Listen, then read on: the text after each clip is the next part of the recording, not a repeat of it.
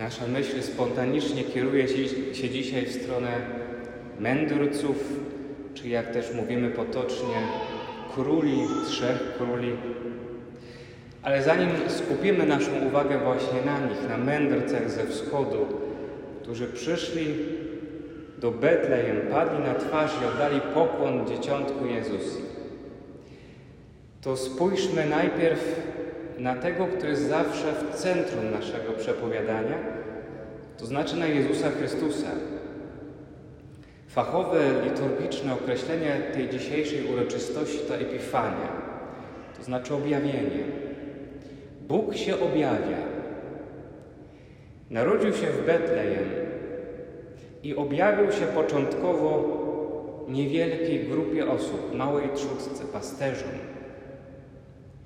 Kiedy na weselu w Kanie Galilejskiej uczynił pierwszy znak, już jako dorosły mężczyzna, to wówczas, widząc ten znak, uwierzyli w niego jego uczniowie. A więc objawił się w ten sposób swoim uczniom, objawił swoją boską godność. Kiedy za kilka dni będziemy świętować chrzest Pański, wówczas w wodach Jordanu usłysze, ci, którzy się tam zebrali, usłyszeli głos: Ten jest mój syn umiłowany, i usłuchajcie. To jest też objawienie, objawienie Chrystusa jako Mesjasza namaszczonego, jako Zbawiciela Izraelowi. I wreszcie wracając trochę do Betlejem, ci, którzy dzisiaj przychodzą, przychodzą ze świata pogańskiego i im również objawia się Chrystus. To znaczy, wszystko to zbierając razem mówi nam, że Bóg chce się człowiekowi objawić. Bóg chce być przez człowieka dostrzeżony, zobaczony. Bóg chce, żeby człowiek go doświadczył. Bóg się nie chowa, nie ukrywa, nie chce być Bogiem nieznanym, nieznajomym. Wręcz przeciwnie. Bóg zrobił wiele, abyśmy mogli Go poznać. I dopiero teraz możemy spojrzeć na tych mędrców, którzy zadają sobie ogromny trud, żeby przebyć długi odcinek drogi, zapewne niełatwej drogi, żeby ze swoich pracowni naukowych, ze swoich domów, krajów przybyć do Betlejem i pokłonić się dzieciątku, w którym uznali kogoś więcej niż tylko dziecko. Bo uznali w nim, składając te trzy dary złoto, kadzidło i mirę, dary bardzo symboliczne, uznali w nim właśnie Zbawiciela, Syna Bożego. Potrzeba nam dzisiaj takiej odwagi mędrców, którzy potrafią wyjść z tego, co było dla nich codziennością, być może pewnego rodzaju wygodą.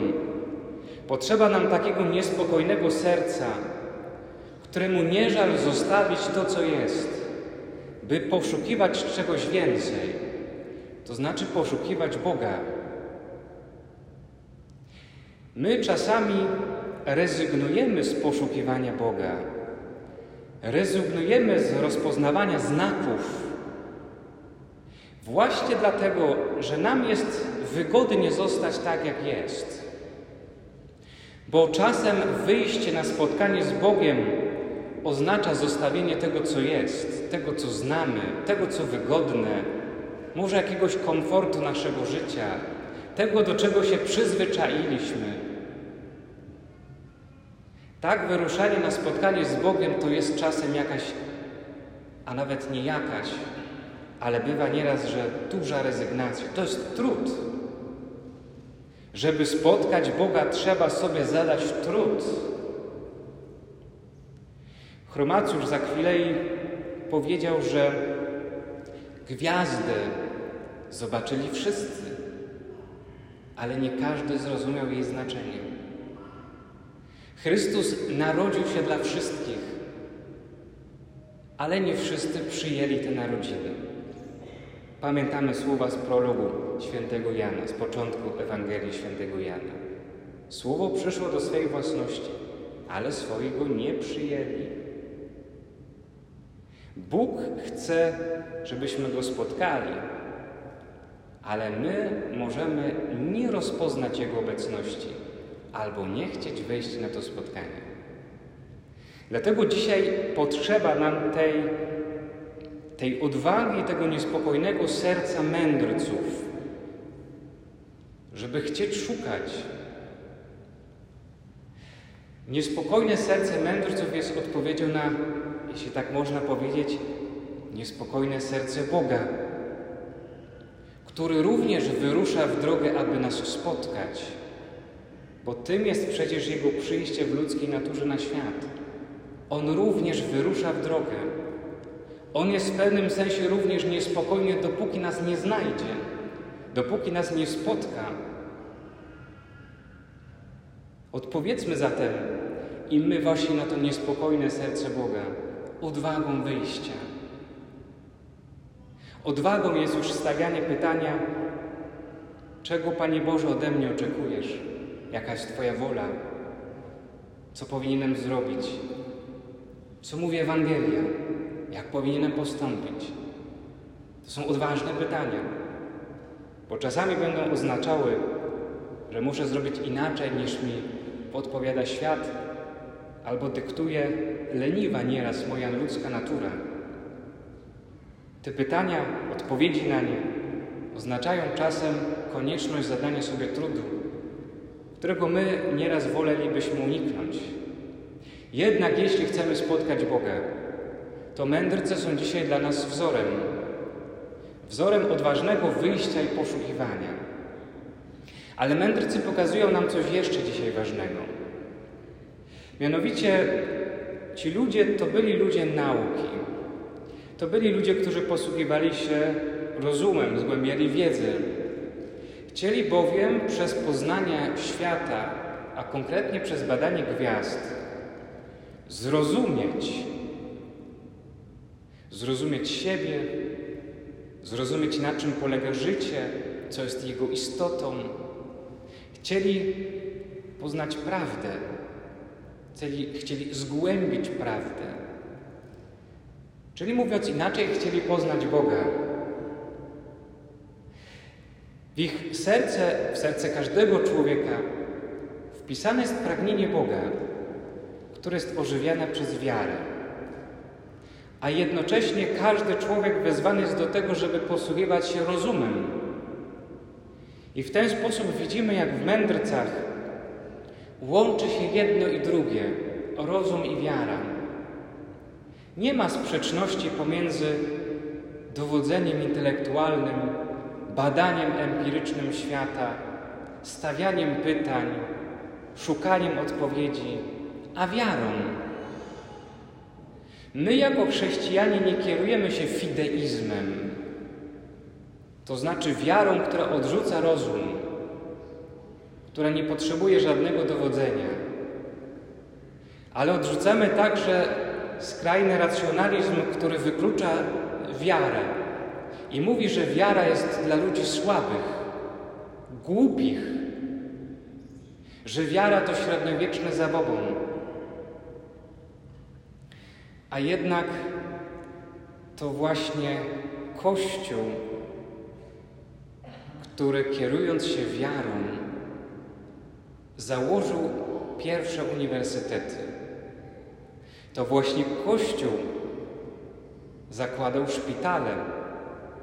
To właśnie Kościół dał impuls do tego, żeby prowadzić badania naukowe, żeby poprawiać jakość ludzkiego życia żeby zgłębiać wiedzę o świecie, żeby zadawać sobie pytanie i szukać odpowiedzi na pytanie, jak to wszystko powstało.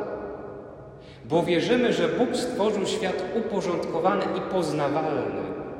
Można świat poznać, a poznając świat, można się z tego dowiedzieć czegoś o Jego Stwórcy, czyli o Bogu. Płynie z tego wniosek taki, żebyśmy nie dali sobie wmówić, że jest jakaś sprzeczność między rozumem a wiarą. Czasami może słyszymy, jak właśnie ktoś nam mówi: Ty taki inteligentny, wykształcony, wierzysz jeszcze w takie rzeczy, jakie podaje Kościół, jakie są w Piśmie Świętym? Przecież to mity, bajki. Człowiek współczesny, oświecony, przede wszystkim wierzy w postęp naukowy, a nie w Boga. Nie dajmy się przekonać do takiej argumentacji. Nigdy nie było i nie powinno być sprzeczności między rozumem i wiarą. Drugi więc wniosek, jaki z tego płynie, jest taki, aby nadawać naszej wierze element rozumności. Żeby nasza wiara była rozumna. To znaczy, żebyśmy ciągle się zastanawiali, pytali i poszukiwali, o co w naszej wierze chodzi, dlaczego tak, a nie inaczej wyznajemy naszą wiarę, dlaczego głównym i zasadniczym punktem naszej chrześcijańskiej wiary, naszego wyznawania wiary jest msza święta. Dlaczego jest ona największym skarbem? Dlaczego tu styka się ze sobą niebo i ziemia?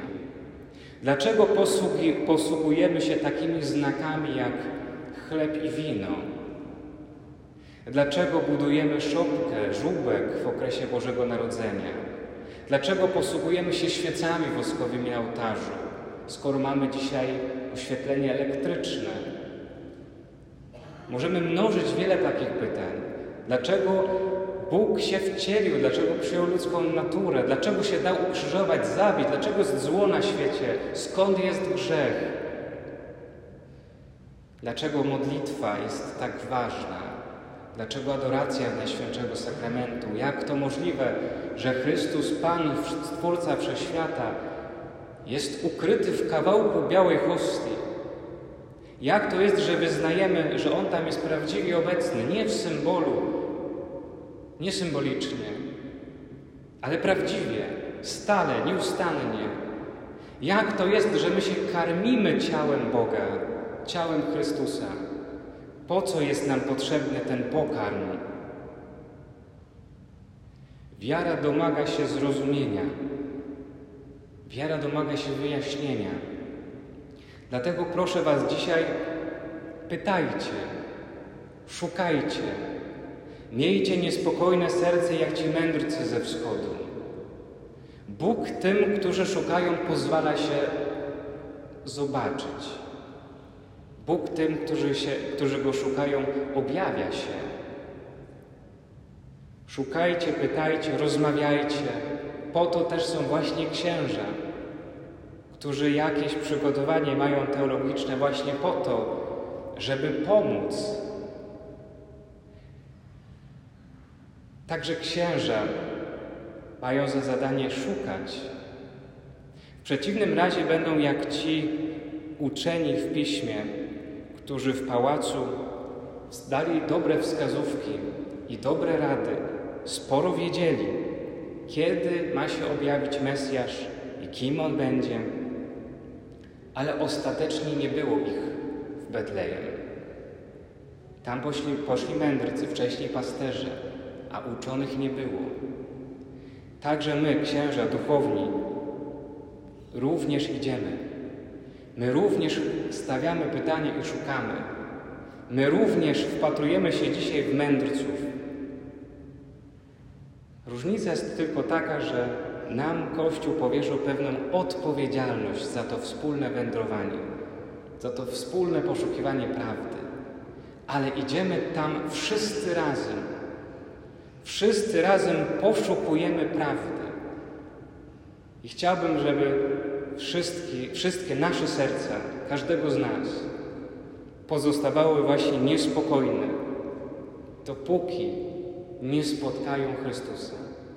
Tak jak powiedział kiedyś święty Augustyn, niespokojne jest moje serce, dopóki nie spocznie w Tobie. Życzę Wam takiego Bożego niepokoju, który będzie Was przenikał i nurtował, który będzie Was mobilizował do poszukiwania, abyście jak ci mędrcy wyruszyli w drogę może nieraz nieznaną, żebyście odważyli się na przygodę wiary, po to, żeby spotkać Zbawiciela, bo On sprawia, że życie nabiera sens.